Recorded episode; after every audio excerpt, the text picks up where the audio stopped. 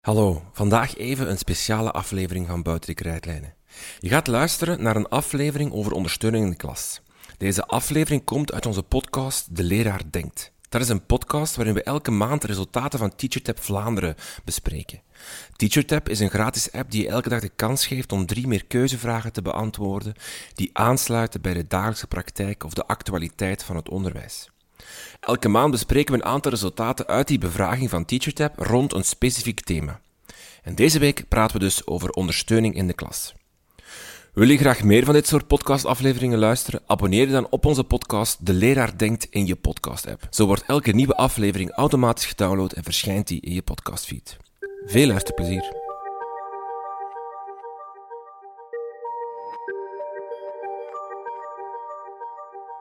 De Leraar Denkt. Een podcast van Buiten de Krijtlijnen in samenwerking met TeacherTap Vlaanderen en Artevelde Hogeschool.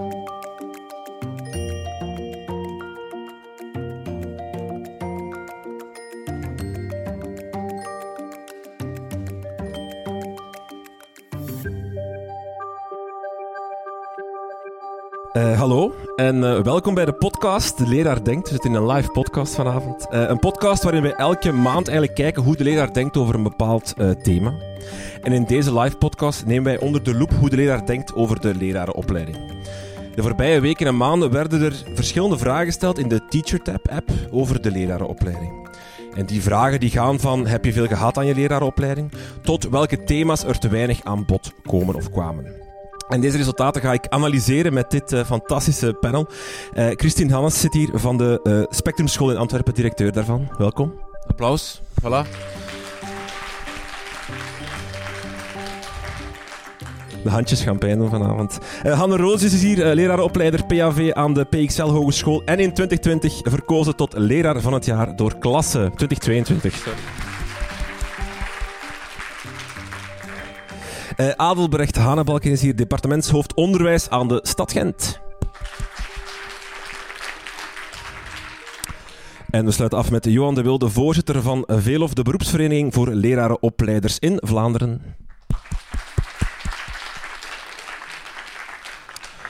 Dames en heren, heel hard welkom. Uh, we gaan het hebben over de leraaropleiding. We doen dat aan de hand van de bevraging uh, in TeacherTap. En we moeten beginnen met een iets wat negatieve noot. Het is jammer voor de avond. Maar als we vragen aan de respondenten van TeacherTap wat, of ze veel gehad hebben aan een leraaropleiding, dan moeten we besluiten, dan krijgen we een eerder negatief resultaat. Uh, we zien eigenlijk dat ongeveer een 39% daarop gemiddeld antwoordt en 33% niet veel. Misschien het meest, van, meest uh, voor, uh, uitsprekende resultaat is eigenlijk 4% geeft maar aan heel veel eraan gehad hebben. Als je de resultaten hoort, beste panel, wat is jullie reactie? Hanne? Ja, eerst en vooral, ik vind dat niet leuk om te zien, hè, als leraaropleider uiteraard. Uh, langs de andere kant vind ik het wel fijn dat we vandaag tijd hebben om wat nuance in de, in de cijfers te krijgen, hopelijk. en als ik terugkijk naar mezelf, zoveel jaar geleden, ehm, had ik misschien hetzelfde geantwoord, dat ik er niet zoveel aan had. Um, nu, ik vind het moeilijk, hè, de lerarenopleiding. Wat is dat tegenwoordig? Je hebt de LSO's, uh, je hebt de, bacheloropleidingen, je hebt, ja, je hebt een hele waaier aan soorten lerarenopleidingen. welke hebben deze mensen gevolgd? Waar... Ik vind het niet fijn, maar ik zou het graag wat nader onderzocht hebben. Als ik persoonlijk mag kijken naar de studenten die ik zie en begeleid, dan vind ik toch wel dat ik andere studenten zie binnenkomen dan dat ik aflever. En hoop ik dat ik wel een, een, heel mooie groei zie. Maar dat is misschien anekdotisch, puur voor mezelf. Ben ik dan toch wel hoopvol. Ja. Johan, hoe kijk jij naar de resultaten als vertegenwoordiger van de lerarenopleiders? Dankjewel. Hè. Ik zit op de strafbank dan. Hè. Ja. Komt het zo binnen? Uh, ja, ik stel mij dezelfde vragen als Hanna hè, bij, bij deze vraag. Ik, ik, ik denk, vraag aan iedereen hier. Hoe tevreden ben je over je televisie? Hè? Heb jij een televisie net gekocht? Heb jij een televisie 20 jaar gekocht? Wat voor een televisie heb jij gekocht? Ik weet het niet. Hè? Het is in elk geval geen geruststellend signaal. Ik ken er andere. Hè. Ik ken een signaal dat uh, onze afgestudeerden, nu spreek ik niet als Velof-voorzitter, maar als uh, leraar en opleider bij Odyssee, een bevraging van mensen die één jaar afgestudeerd zijn, dat is helemaal anders. Hè? Dat is 90% tevredenheid. Wie heeft er gelijk? Hè? Je hebt ook de commissie BISTA gehad, hè? Uh, Nederlandse professor die ondersteund is geweest met een dwarsdoorsnede van, de, van uh, het onderwijsstelsel. Die hebben heel wat uh, mensen gesproken. Die hebben een positief rapport neergelegd over de lerarenopleiding en die zeggen eigenlijk, gegeven de middelen die ze krijgen, presteren zij goed. Je gaat mij straks ook kritische opmerkingen laten maken, hè, hoop ik, hè, over, over het onderwijs. Maar dit vind ik in elk geval te weinig om, om iets zinvol anders over te zeggen. Dus op zijn minst nuance. Ja. Adelbrecht, hoe kijk jij daarnaar? Ik zou misschien beginnen met een eerste nuance. Hè, want als je dit doet, hè, hoe minder dat je exact wordt opgeleid in de wetenschap, hoe minder de relatie soms met wat je geleerd hebt in het werkveld zeer herkenbaar is. Dus mogelijk heb je dat bij andere minder exacte wetenschappelijke opleidingen ook als resultaat. Denk moest je ook de, de vraag veranderen naar wat uh, betekent het uh, jouw opleiding invloedt de praktijk die je hebt, hebt gehad in je opleiding, dat je misschien wel andere scores zou hebben gehad. Dus hier is precies ook denk ik een oordeel die geveld is op het um, onderdeel van de opleiding op de hogeschool. Maar de vraag is van, moesten ze misschien wat nuance kunnen hebben gegeven rond de praktijk in de opleiding, zou dat misschien een ander resultaat geweest zijn. Nu, als werkgever van leerkrachten merk ik wel, en ook in, in gesprekken met schooldirecties, dat men dat zou een stukje kunnen onderschrijven, omdat je wel tussen de theorie en de praktijk en hoe dat dan stages worden beleefd hè, en als een eerste ervaring worden gezien, dat men soms zeer ver weg is van wat men eigenlijk al meebrengt uit, uh, uit de opleiding. Hè. Dus dat is misschien wel iets dan een verklaring, ook dan vertrekkende vanuit de klasvloer. Wel, ik ga er meteen de tweede vraag bij halen van TeacherTap, namelijk, dat was de vraag, mijn leraaropleiding was vooral, en dan konden ze kiezen tussen uh, theoretisch, praktisch en dan evenveel. En dan zien we ook dat het vooral theoretisch ervaren wordt. Is dat, Christine, misschien ook een ja, reden waarom er toch een soort van negatieve perceptie wordt gevonden dat, het, dat de kloof tussen theorie en praktijk groot blijkt. Ik niet hoe jij dat ervaart met nieuwe leerkrachten die bij jou op school uh, toekomen. Zeker. En ik denk, eh, een nuance op dat van daarnet nog, ik merk een heel groot verschil tussen onze bachelors, die echt inderdaad drie jaar de lerarenopleiding gedaan hebben, en dan onze zij-instromers, waar wij eigenlijk er heel veel van hebben, zowel in de praktijkvakken als in bijvoorbeeld PAV. Um, ik denk dat op dit moment de, de negativiteit en de kritiek trouwens heel groot deel terecht, uh, vooral zit in die, die SLO, die specifieke lerarenopleiding, waar ik zelf heel vaak met hen kijk welke opdrachten ze moeten maken. En dat ik denk, ja mannen, dat, heeft, dat staat mijlenver af van wat ze dagdagelijks op school aan het doen zijn. Dus ik denk, allez, moest je het zouden kunnen uitfilteren, gaat er misschien een heel deel vanuit de SLO gekomen zijn. Dat weet ik eigenlijk niet. Ah, voilà, kijk, zo. Uh, En dat zijn mensen die het aan het doen zijn en die vooral nood hebben aan, aan praktijkgericht. Hè. In het deeltijdsonderwijs is dat een beetje het alternerend leren. Dat is zo, hè. Die zitten drie dagen op de werkvloer en die komen terug naar school. En wij horen wat heb je daar geleerd en waar moeten wij op inspelen. En dat is wat zij heel hard missen in de leraaropleiding nu. Ik wil er dan wel heel uh, bij vertellen dat wij op dit moment met de alle hogescholen in Antwerpen ook effectief aan de slag zijn gegaan en in gesprek zijn gegaan. Want wij weten ook wel, die transitie van de CVO's naar de hogescholen, en zeker voor praktijkleerkrachten, is echt niet evident geweest. Hè. Ook niet voor de hogescholen in kwestie. En ze staan er wel heel hard voor open om, om samen het juiste parcours te bewandelen. Is het op zich logisch dat een leraaropleiding meer theoretisch dan praktisch is of ervaren wordt? ik mag hopen dat we ook niet te vies willen zijn van het woord theorie, eerlijk gezegd. Uh, ik denk dat, uh, ja, neem nu bijvoorbeeld de twaalf uh, bouwstenen die op dit moment ja, toch wel populair zijn in de leraaropleiding, zijn ook allemaal gestoeld op, op theoretisch inzicht, op wetenschap.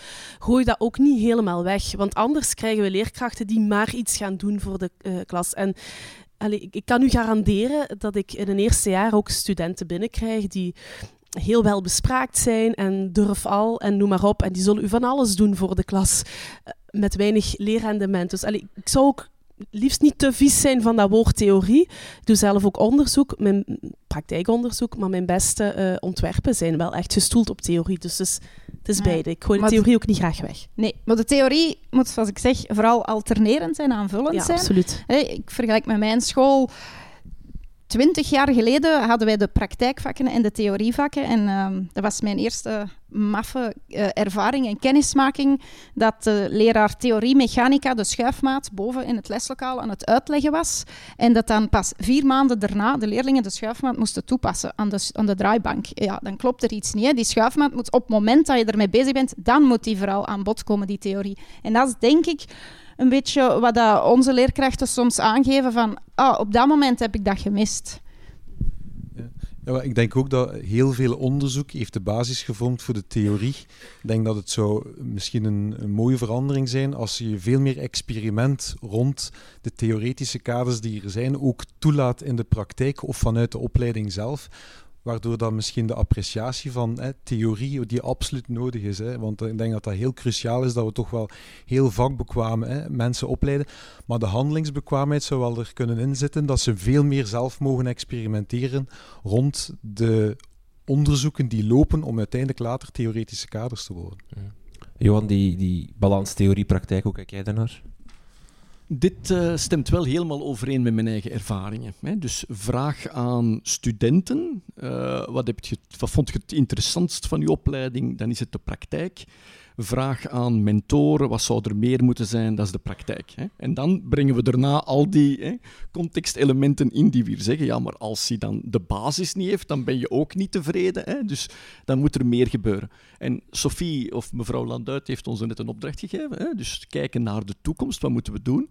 ja, dan moeten we dat overstijgen. Hè? Dan moeten we overstijgen van wat is nu theorie, wat is nu praktijk. Nee, we hebben in het verleden, en dat zal voor velen gelden in de ene hogeschool of de ene opleiding meer dan de andere, we hebben misschien te gemakkelijk gedacht, je hebt de theorie en dan daarna gaat de praktijk, dan gaat de theorie toepassen. Hè? En dan daarna gebeurt er iets magisch, dat is reflectie, en dan daarna is de praktijk nog beter. We gaan waarschijnlijk meer moeten theorie stapsgewijs een element of een theoretisch kader, dat mag in het begin abstract zijn. We gaan dat wat concretiseren, we gaan dat praktisch, hè, praktisch in, de, in, de, in de praktijk brengen, we gaan daar ervaringen mee opdoen, terug in de theorie duiken, hè, uh, dat met andere ogen bekijken en verder gaan. En nog één element op dat vlak ook van, ik denk dat we ook meer moeten gaan kijken van wat gaan we in de praktijk uh, het meest doen. Er zijn een aantal zaken waar dat bijna geen enkele student problemen heeft met de transfer naar de praktijk. Maar er zijn bepaalde zaken waar dat wij allemaal van weten dat ze heel moeilijk zijn. Nu spreek ik als ex-opleidingshoofd kleuteronderwijs. Hè. Een waarneming is iets heel uitdagend. De waarneming wordt in de theorie behandeld. Ja, we zouden eigenlijk wel vijf verschillende waarnemingen in de praktijk moeten brengen die plat slaan en zien dat dat telkens anders is. En een aantal andere dingen gewoon ervan uitgaan. Je hebt het gelezen, past het toe, heb de vragen, dan gaan we er verder op in.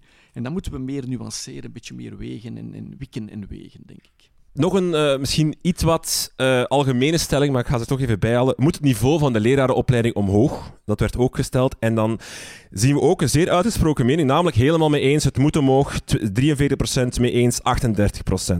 Nu, het begrip niveau, daar kunnen we heel veel ondersteken. Hè. Die, die nuance zal ik zelf al maken. Maar misschien uh, is de vraag dan aan jullie, zijn jullie het daarmee eens? En welke invulling of invalshoek geven jullie dan aan het woordje niveau, waar, het, waar dat omhoog moet? Ik kan daar heel veel op antwoorden. Even aan het filteren. Uh, um, ik, zie zo twee belangrijke bewegingen gebeuren in de lerarenopleiding. En uh, ten eerste is dat, dat ja, we krijgen een veel diverser publiek binnen. En soms hoor je dan van, um, je krijgt studenten binnen die het niveau wel niet halen. En voor een, stuk is dat waar. Want ik denk dat we in een tijd leven waarin...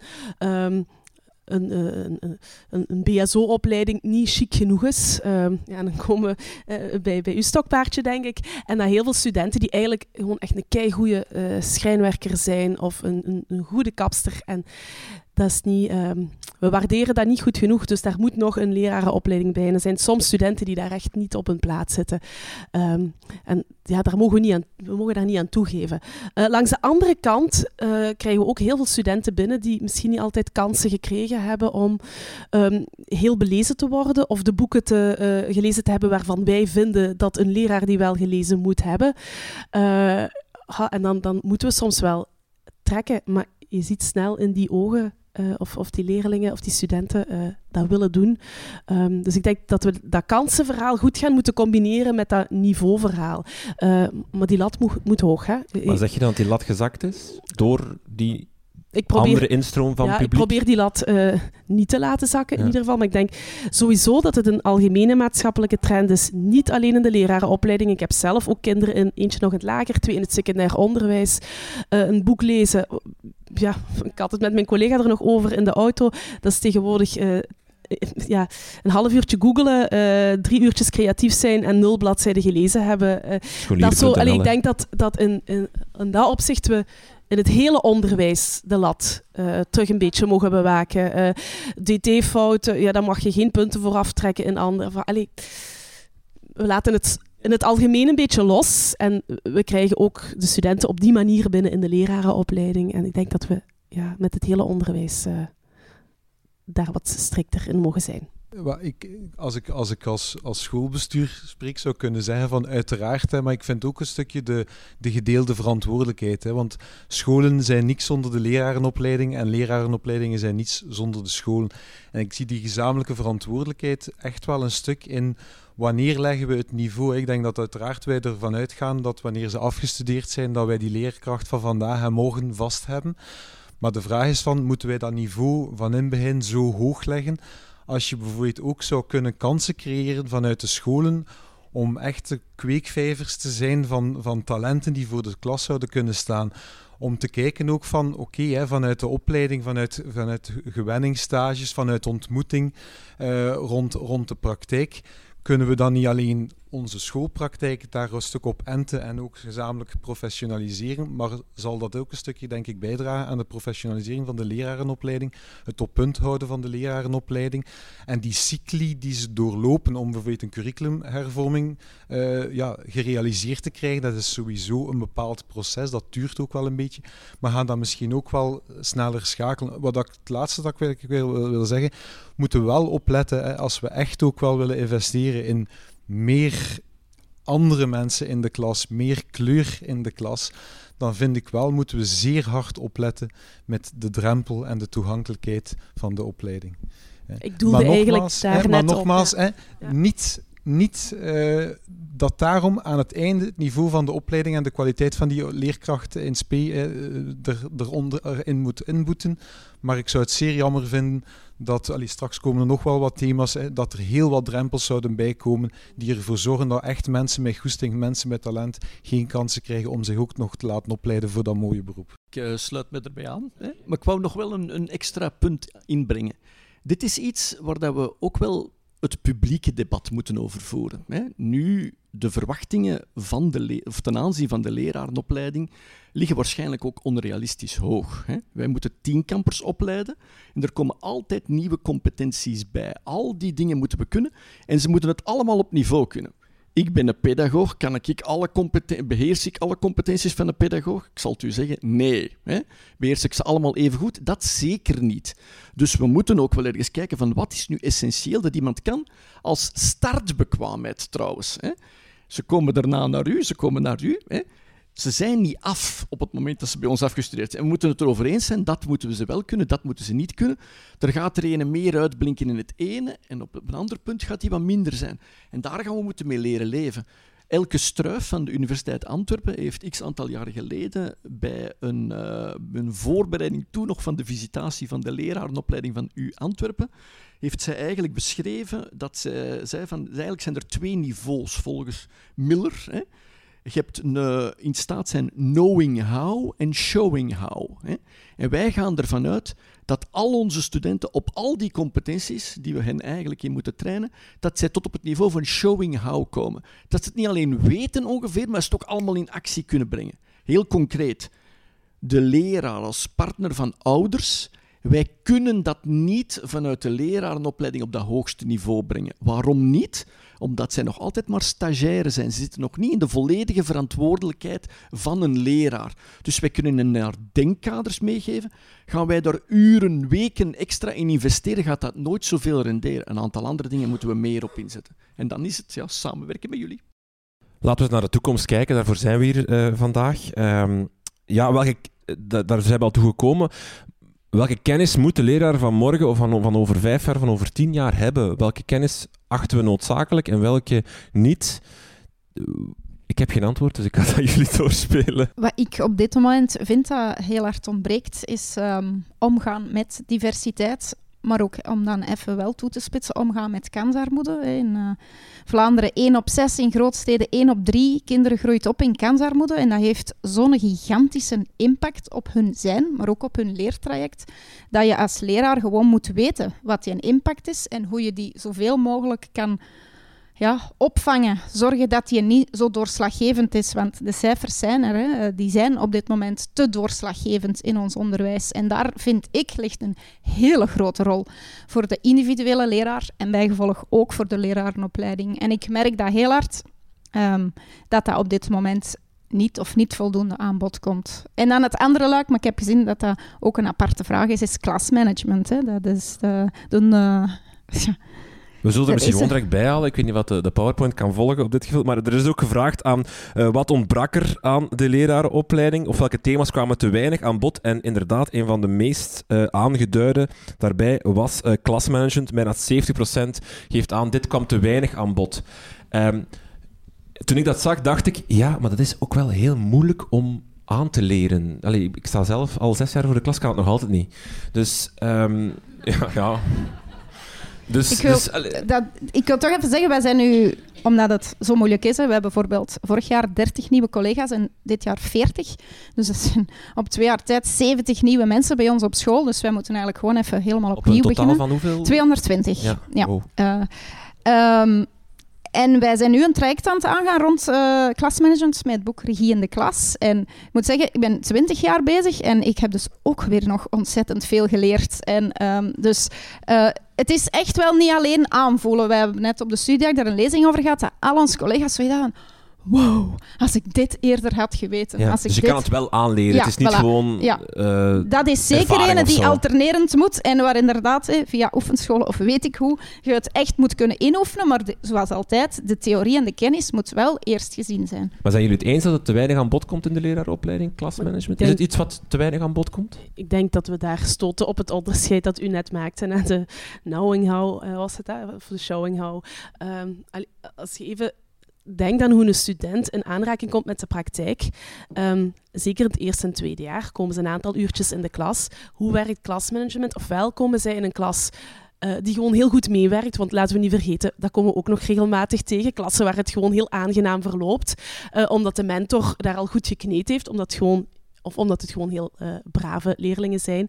En dan... Um, ja, dat stelt dan natuurlijk tijdens die stageles uh, weinig eisen aan de student. Dus gaat hij niet veel leren op vlak van klasmanagement. Ofwel komt hij in een klas waar het wel moeilijk verloopt, maar die is dan vaak na twee, drie uur terug weg. En dan, uh, ik heb in mijn laatste artikel in klasse geschreven, telkens een nieuwe 1 september. Hè. Zij komen altijd opnieuw in een nieuwe klas. Ik ben altijd zenuwachtig als ik een nieuwe klas krijg. Altijd nog in september. Zo'n beetje spannend van, ga ik hier mijn drive vinden? Maar zij hebben dat om de drie uur opnieuw. Dus komt daar een heel moeilijke klas. Iedereen weet hier dat je op drie uur uh, geen klasmanagement leert toepassen in een moeilijke klas. Um, derdejaarsstudenten die op werkplek leren gaan, bijvoorbeeld, die krijgen daar veel meer de kans toe. Uh, en dan heb je inderdaad die handvaten nodig uit de theorie, maar vooral ook iemand naast u uh, die durft toegeven dat het verdomd moeilijk is. Een stagementor en iemand van op de hogeschool. Uh, ik ben ook af en, toe, af en toe moeten wij terug naar de praktijk gaan en het zweet staat mij soms ook op de rug. Ik denk dat studenten dat moeten horen, dat je daarover moet communiceren.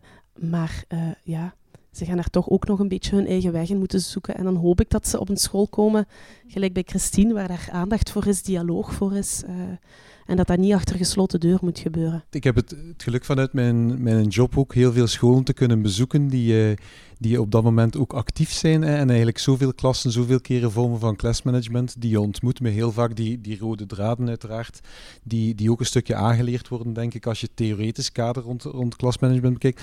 Maar je hebt de praktijk nodig om het te zien van, schep ik met alles wat ik heb, hè, ook vanuit mijn bagage, maar ook vanuit mijn talent, schep ik het juiste klimaat in die klas. Hè, en kan dat veranderen en hoe verandert dat? En ik denk dat het heel interessant kan zijn om bijvoorbeeld hè, ook, ook vanuit stages, hè, de studenten in opleiding, weet veel sneller ook co-teaching mee te geven als basisprincipe, om echt te gaan observeren wat, wat doet een klas, wat betekent dat klimaat om na te denken, om te durven fouten maken, om te gaan kijken van uh, als, als, als er incidenten zijn rond gezag, van hoe gaan we daarmee om? En die intervisie te doen, peer-to-peer -peer onder studenten, maar die ook heel vaak een keer op te nemen in relatie tot het... Uh, tot het uh, schoolteam zelf. Hè. Dus ik denk dat je absoluut die praktijk nodig hebt, omdat dat theoretisch kader maar het handvat is voor wat er zich elke dag ontwikkelt. Hè. En hoe, evolutief ook dat dat kan zijn. Hè. Ik vermoed dat het in de didactiekcursussen komt. Hè. En het zal misschien explicieter mogen, dus uh, ik neem aan dat dat, dat, juist is. Hè. Zelfs al zit er een, niveau van showing how dat erna moet komen. Uh, ik wil alleen zeggen, het is niet enkel een, uh, een technische kwestie. Hè. Voor zover het een technische kwestie is, zit het in didactiek en zullen ze het ook wel oefenen. Maar beeld u in, je moet een klasmanagement doen en er is inderdaad die situatie, die context die al gecreëerd is door de leerkracht. Bovendien, daar zit de, de, mentor zit achteraan. Dus dat is ook een totaal andere situatie dan dat je helemaal alleen voor die klas staat. Dus dat maakt het moeilijk. Bovendien, uh, als we het enkel naar het technische kijken, dan missen we het, de idealen, de overtuigingen die de studenten ook hebben in de leerkrachten. En bij een heel aantal leerkrachten, wij onszelf ook, we willen uiteindelijk ook voor een stuk graag gezien worden. We willen ook de aangename leerkracht zijn. Dat lost er niet op met een technische raadgeving. Hè. Daar heb je eerder supervisie voor nodig, verder doorgaan op wat er zich eigenlijk afspeelt in de klas. Maar het is uh, iets dat inderdaad regelmatig terugkomt en we waarschijnlijk toch wel gaan moeten oppikken met de ja. lerarenopleiding. Een ander puntje dat eh, ontbreekt in de leraaropleiding voor onze respondenten van TeacherTap is omgaan met diversiteit. Christine, jij eh, je bent directrice van een school in Antwerpen, Hartje Antwerpen. Veel diversiteit daar. Merk je dat, dat daar een tekort aan is? 88 uh, nationaliteiten. Hè. Mijn vaste mop is dan altijd, in Antwerpen zijn er op dit moment 170, dus waar zijn die anderen? Want ik vind dat al redelijk divers. um, ja, uiteraard moet je dat...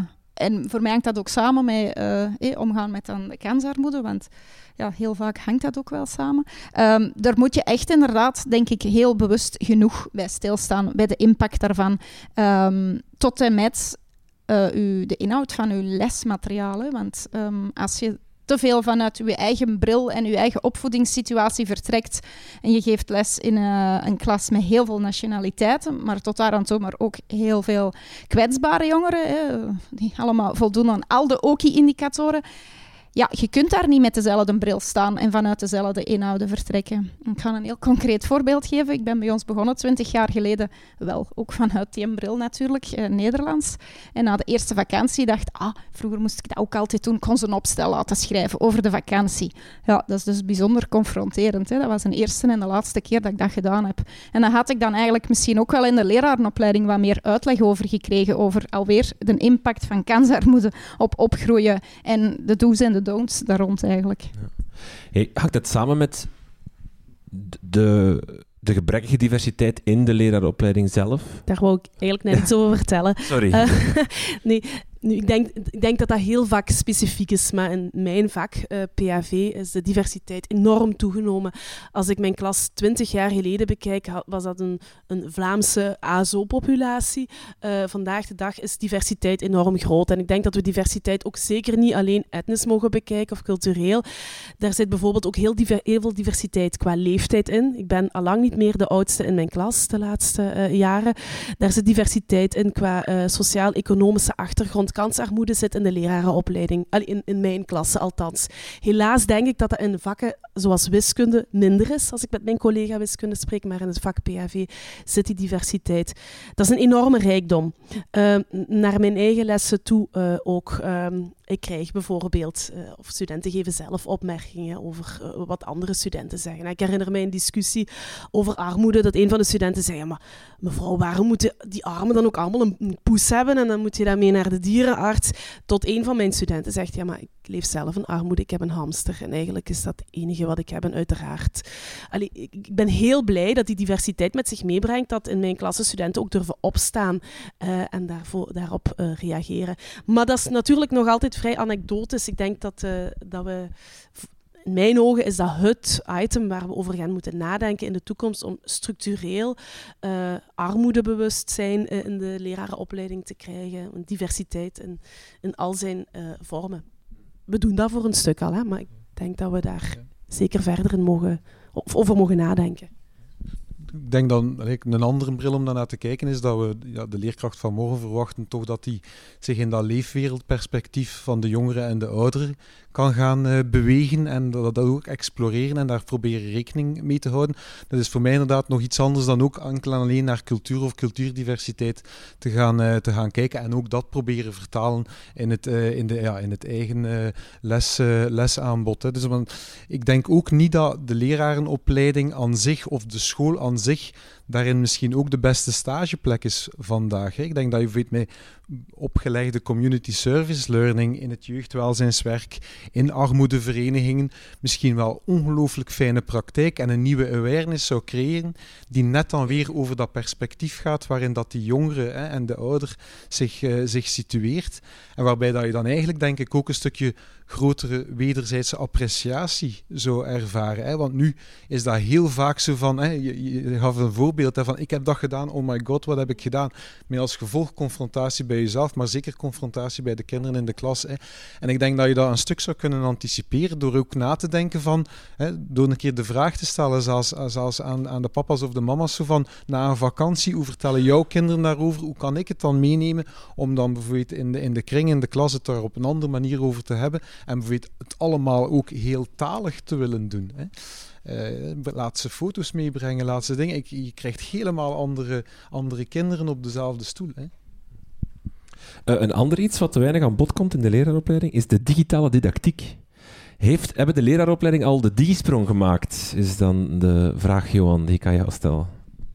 Uh, je vraagt het aan iemand die zelf de digisprong uh, er veel moeite mee heeft. Maar ik neem aan dat, uh, dat dat ondertussen wel opgepikt wordt. Hè. En ik denk dat dat ook zoiets is dan zullen een aantal mensen nu oordelen over de lerarenopleiding die ze eigenlijk uh, ja, die ze x aantal jaren geleden hebben meegemaakt. Ik denk dat dat vandaag al beter is.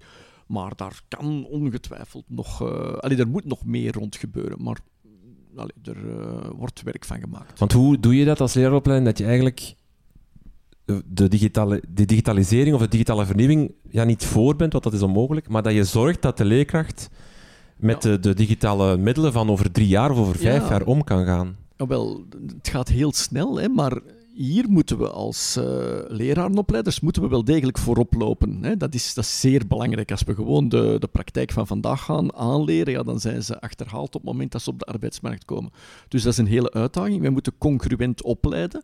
Wij moeten model zijn van de principes die we willen dat onze studenten toepassen.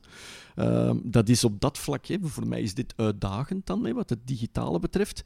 Uh, wij moeten ook expliciteren waarom we net deze toepassing gebruiken. Hè, dat ze in ons hoofd kunnen kijken als didacticus. Waarom verdeel ik de groep op die manier in groepjes hè, en in die verschillende rollen? Waarom gebruik ik nu deze digitale tool? Ja, dat moeten wij toelichten.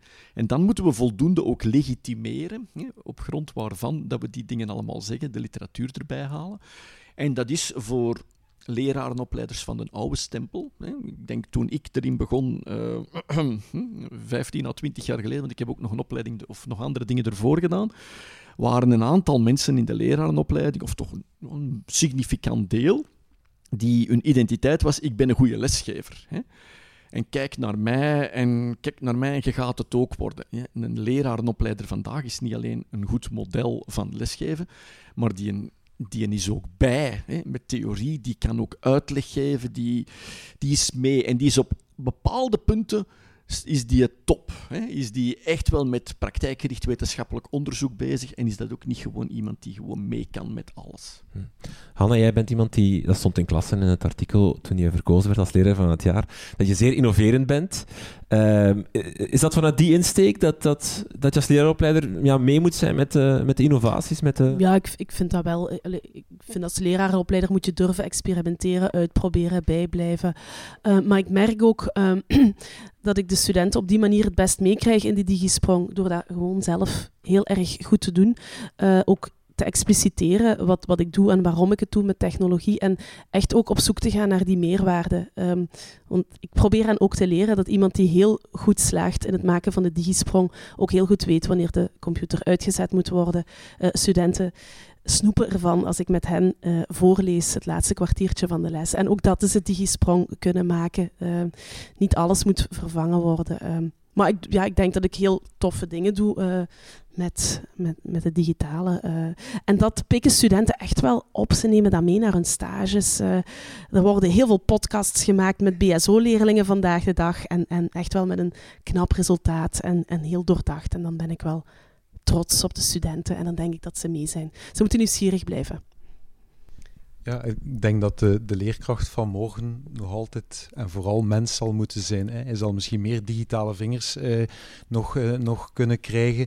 Maar ik vind vooral eigenlijk eh, het verhaal van Digisprong vandaag is eigenlijk een, een hardwareverhaal. Met, zijn, met eigenlijk zelfs heel weinig differentiatie van kansen om met die hardware en de connectiviteit eraan gekoppeld uh, mee om te gaan. En ik denk dat een belangrijke investering is ja, van welke, welke software draaien we en hoe, hoe brengen we dingen in relatie van hoe kan dat vooral het, opvoedkundige en het lerende proces gaan ondersteunen. Hè. En dan komen er eigenlijk heel veel meer facetten naar boven dan enkel en alleen. Ik ben een, uh, eigenlijk een stuk ICT-vaardig, maar ik, ik, ga een stukje bewust om. Ik ga een stukje bewust met, mediawijs, eh, met, met mediawijsheid om. En ik maak het ook op een fijne manier over aan, uh, aan de kinderen in de klas. Ik denk dat dat, dat cruciaal is.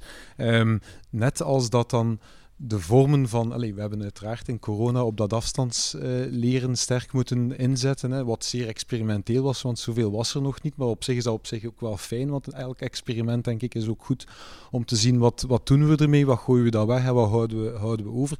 Maar ik denk dat dat fijn zou zijn dat we ook echt wel nadenken rond die aspecten van hybride leren. Hè. En van wat inderdaad ook, trouwens ook als je dan weet zoekt naar, ik ga ook af en toe toch meer dan vandaag nog mijn leraren ook wat klasvrij proberen maken omdat ik ze nodig heb voor professionalisering, of dat er toekoor tekorten zijn in school, wat er allemaal realiteiten zijn, dat we eigenlijk wel zouden kunnen zien dat hybride leervormen echt ook wel ondersteunend kunnen zijn, zolang dat je ze uiteraard wel voldoende gedifferentieerd uh, aanpakt en benadert. Mag ik daar nog één ding op aanvullen om even de brug te slaan met, met die kansarmoede? Eén ding wordt vaak wel vergeten, vind ik vandaag de dag, en dat is die i-inclusie. We kunnen heel veel mooie dingen doen, maar we vergeten dat we ook sommige groepen wel uitsluiten door de hippe ideeën die we hebben. En ik maak zelf ook die fout. Hè. Ik, heb, uh, ik ben fan van podcastlessen. Ik, ik, zet een deel van mijn lessen op podcast en ik stuur de studenten dan graag uit wandelen. Maar ik heb ook al één keer uh, de opmerking gehad, mevrouw, ik heb eigenlijk geen 4G. En dat is dan de digitale variant van uw opstel na de vakantie. Uh, en ik ben daar nu over aan het lezen. Ik denk, ja, we mogen dat niet vergeten, uh, want anders gaan we een fout maken. Ja. Nog iets wat te weinig aan bod komt, of waar toch nood aan is dan, denk ik. Dus ja, en dat viel me ook op, is die administratie en uh, hoe je werk aan te pakken. dat plannen, dat samenwerken. Hè, daar wordt telkens rond de 40, 50 procent geeft aan van ja, dat, dat heb ik gemist in de opleiding. Dat komt te weinig aan bod. Christine, merk jij dat, dat nieuwe leerkrachten soms wel ja, een beetje verzuipen in het werk of niet goed weten en dan met die loonbrieven in de war mhm. zijn en, en, en, en niet gepland geraken? En, en... Goh, ja, de loonbrieven, dat is denk ik vooral de schooladministratie. Uh, want ik denk, het is enerzijds het luikje administratie, maar dat is in heel de planlastdiscussie ook. Uh, wat ik merk in heel de discussie over onderwijs is dat het altijd precies alleen maar gaat over lesgeven. Hè. Laat de leraar lesgeven. Nog een, uh, een heerlijk politiek citaat. Maar um, je kunt alleen natuurlijk maar lesgeven als je les voldoende hebt voorbereid. Um, als je de basis mee hebt van de, uw didactiek, hè, dat je weet hoe je iets moet voorbereiden en wat wij wel merken. En de leerkrachten zelf ook aangeven, zeker de zijnstromers, van wow, maar ik heb gewoon niet voldoende geleerd hoe ik eindtermen leerplannen moet omzetten in lessen, in lesmateriaal. Want wij werken bijvoorbeeld als school met eigenlijk ja, geen methodes of handboeken. Dus wij hebben eigen materiaal die in de vakgroep ontwikkeld wordt. Die, kunnen, die, die, die vinden dat heel moeilijk. Die hebben dat niet echt geleerd. Ze hebben wel een lesvoorbereiding leren maken. Hè. Een, elke hogeschool heeft wel zijn schabloon. Maar, uh, en er moet dan ergens moeten dan de, de, de vijf puntjes van de leerplandoelen of de eindtermen. Maar hoe je die eindterm omzet in een in een les, een leerinhoud, hoe je die leerinhoud echt op een goede, degelijke manier evalueert en daarop kunt of differentiëren, terugkoppelen, feedback geven, dat missen ze. En dat eh, ja, zit hier nu ook een beetje heel ongelukkig, vind ik, bij administratie. En ook in de planlastdiscussie zit dat soms bij planlast, maar dat vind ik wel de kern van de zaak. Want waarom geef je les? Om iets aan te leren, om te kijken of ze het kunnen, om terug te koppelen, om te toetsen, feedback te geven. En dat mis ik eigenlijk wel een beetje bij onze ook net opgeleide leraren. Herkenbaar? Johan klinkt, klinkt nee, van nee. allee, dit, ik ben het ermee eens, dit is echt wel de essentie. Hè? Als je nu zegt start bekwaam, ja, dat zou je echt wel moeten kennen. Hè? Ehm, dus als er daar zijn die ja, als, het, als het brand moet geblussen, moeten we mensen voor de klas zetten. En als ze dat niet kunnen, ja, dan is dat een reëel probleem. Dan gaan we het, het probleem niet oplossen, dan gaan we het kwaliteitsprobleem alleen vergroten. Um, nu, de administratie. Ik uh, op een bepaald moment ook onze afgestudeerden bevraagd en dat kwam toen ook. Hè. Um, twee dingen. Administratie, meer dan uh, ze voorzien hadden bij de stage. Ze hadden ervoor stageadministratie. En het is een ander soort administratie. En ik denk dat we dat als lerarenopleiding, of een aantal misschien, hè, dat toch wel een keer ernstig moeten naar kijken of dat we daar toch wel uh, werk van kunnen maken. Het andere, dat hebben we wel opgenomen toen, is, uh, het is net even gezegd, 1 september. Hè. Veel, wij lerarenopleidingen, wij starten uh, midden of tweede helft van september.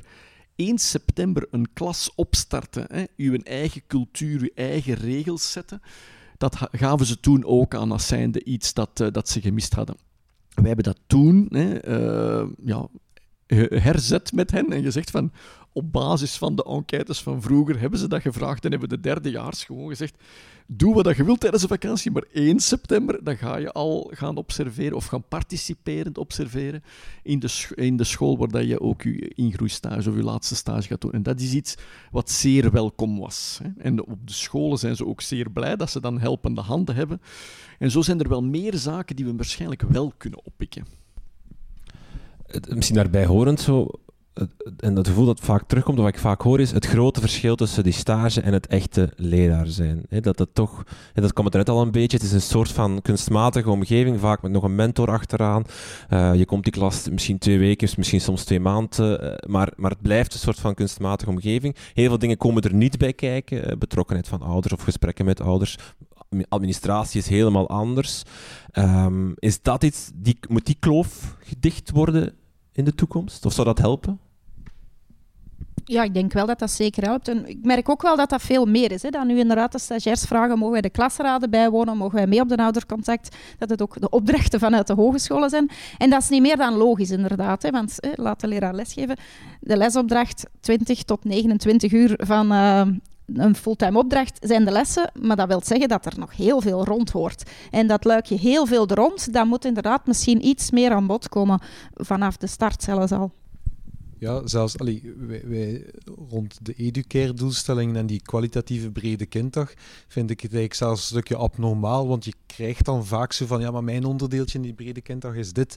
Eigenlijk zou je zelfs mensen in de lerarenopleiding moeten zeggen van, vanaf het opengaan van die school hè, tot ze het weer sluit en eventueel zelfs de naschoolse activiteit, die doorloop doe je helemaal. Hè. Je gaat zelfs ook zelfs een middagactiviteit of zelfs de schoolmaaltijd een keer mee beleven. Hè. En zeker ook dan de, de zaken rond klassen. Dat zou zeer raar zijn dat ook zelfs deelname in, uh, in bepaalde aspecten van wat er gebeurt in de lerarenkamer gewoon geen onderdeel zouden kunnen zijn van de stage.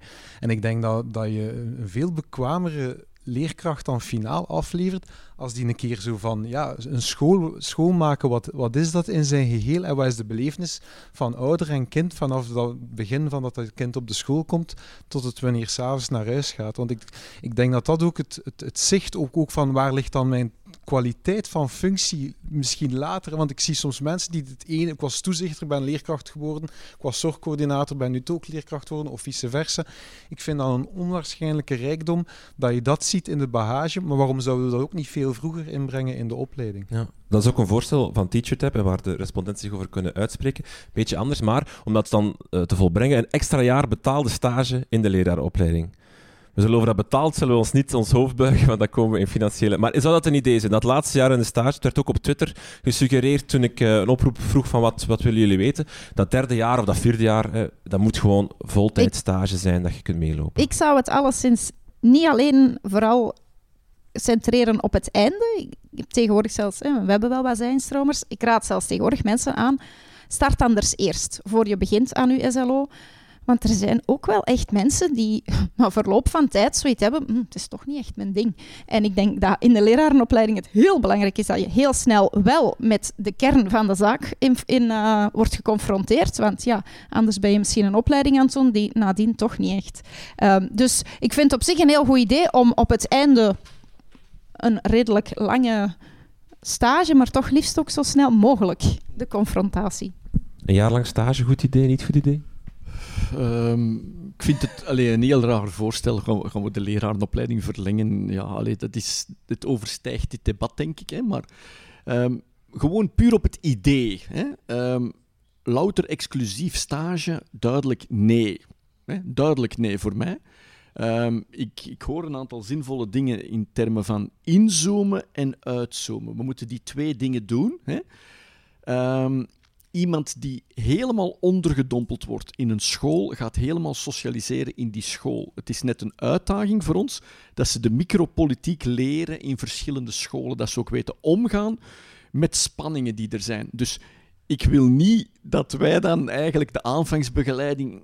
Wat is een, een, jaar betaalde stage in een school? Dus dan gaat de hoe dan ook iets moeten gaan hebben dat er terugkomsten zijn. Hè, naar, is dat aan de hogeschool of is dat ergens anders?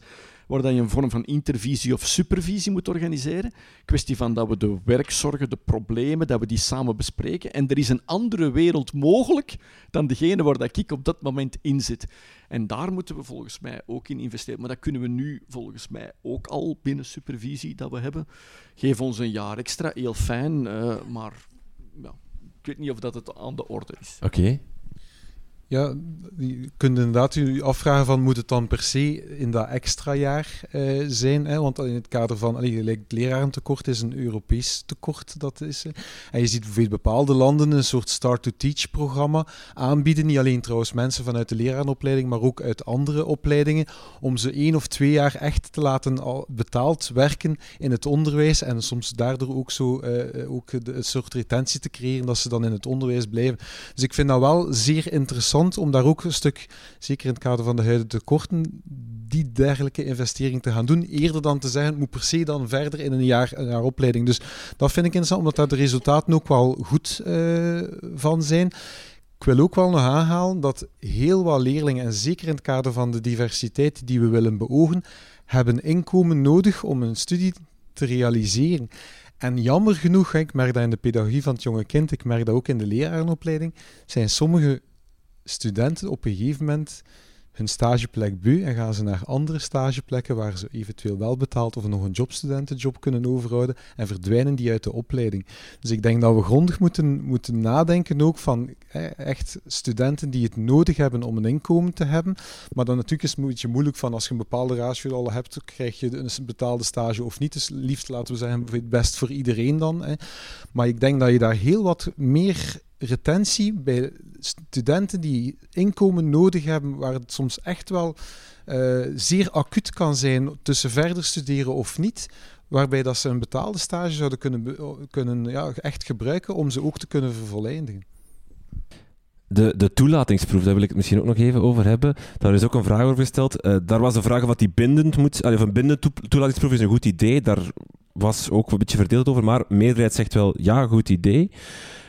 Hoe kijken jullie naar die toelatingsproef? Is dat iets wat goed werkt, dat goed is? Zou die bindend moeten worden? Is dat iets zoals, bij het examen geneeskunde? Uh... Ja, ook daar kan je heel veel op zeggen. Eh, ik vind het goed dat de, de de proef er is. Het geeft al een indicatie aan studenten uh, waar hun, hiaten, hun tekorten zitten. Uh, moet die bindend zijn? We hebben het er net in de auto nog over gehad, uh, mijn collega en ik. het is wel zo dat er studenten binnenkomen en soms vier jaar blijven hangen om dan toch geen diploma te halen. En we denken wel dat er studenten zijn die misschien tegengehouden zouden worden als het bindend was. Langs de andere kant, um, en dan zeker als ik een beetje vanuit dat diversiteitskader denk, um, heb ik ook al een aantal leerkrachten zien afstuderen die uit een niet zo ideale voorsituatie kwamen. Uh, mensen die uit het beroepsonderwijs kwamen. Uh, ja, die misschien nooit geslaagd geweest zouden zijn op die uh, toelatingsproef. En waarvan ik het vandaag de dag zeer jammer zou vinden als die geen leerkracht waren. Absoluut, uh, omdat ze niet de juiste boeken hadden thuis of uh, niet voldoende hadden kunnen oefenen op taal. Als het bindend wordt, dan hoop ik dat het vooral niet alleen talig is. Ja. Want ja, laat ons niet vergeten daar, ja. dat als Nederlands niet uw moedertaal is, dat je soms blijft worstelen met bepaalde aspecten van Nederlands. Niks mis mee. Als ik twintig jaar in China woon, ga ik ook niet perfect Mandarijn-Chinees spreken.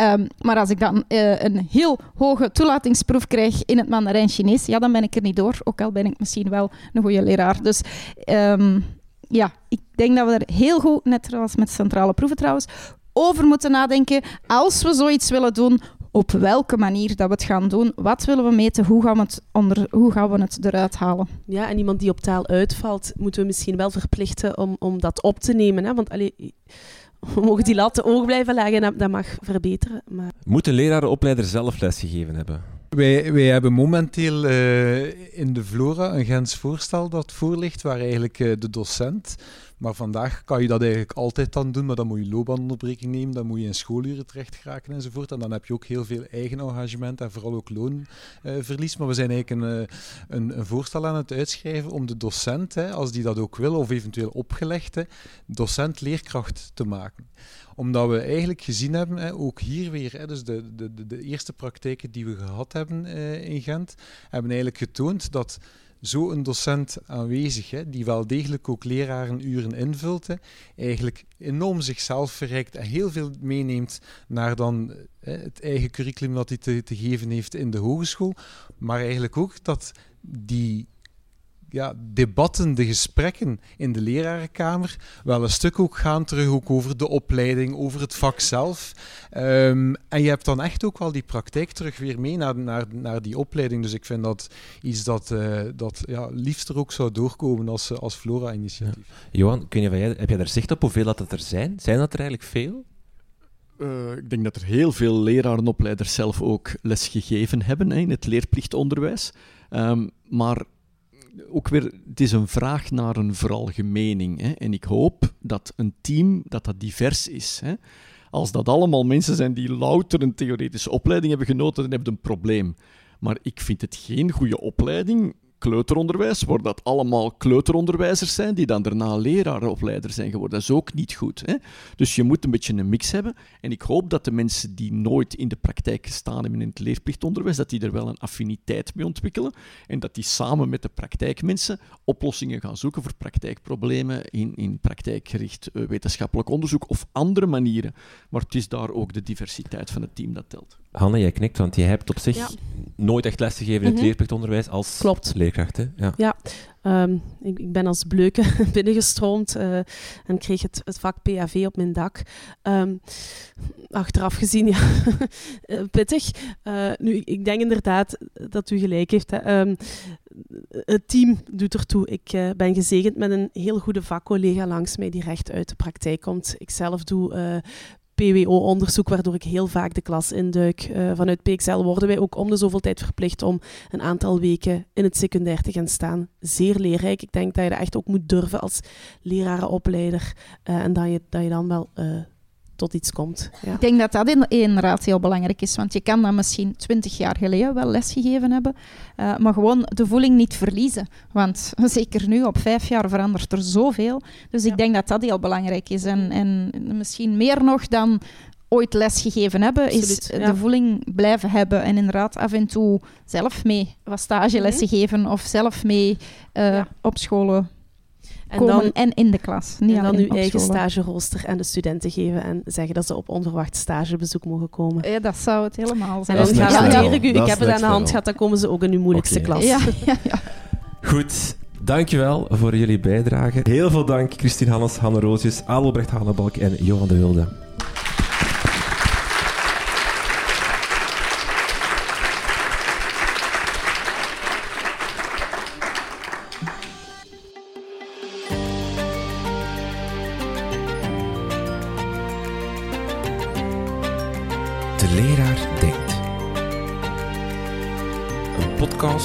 Buiten de in samenwerking met TeacherTap Vlaanderen en Artevelde.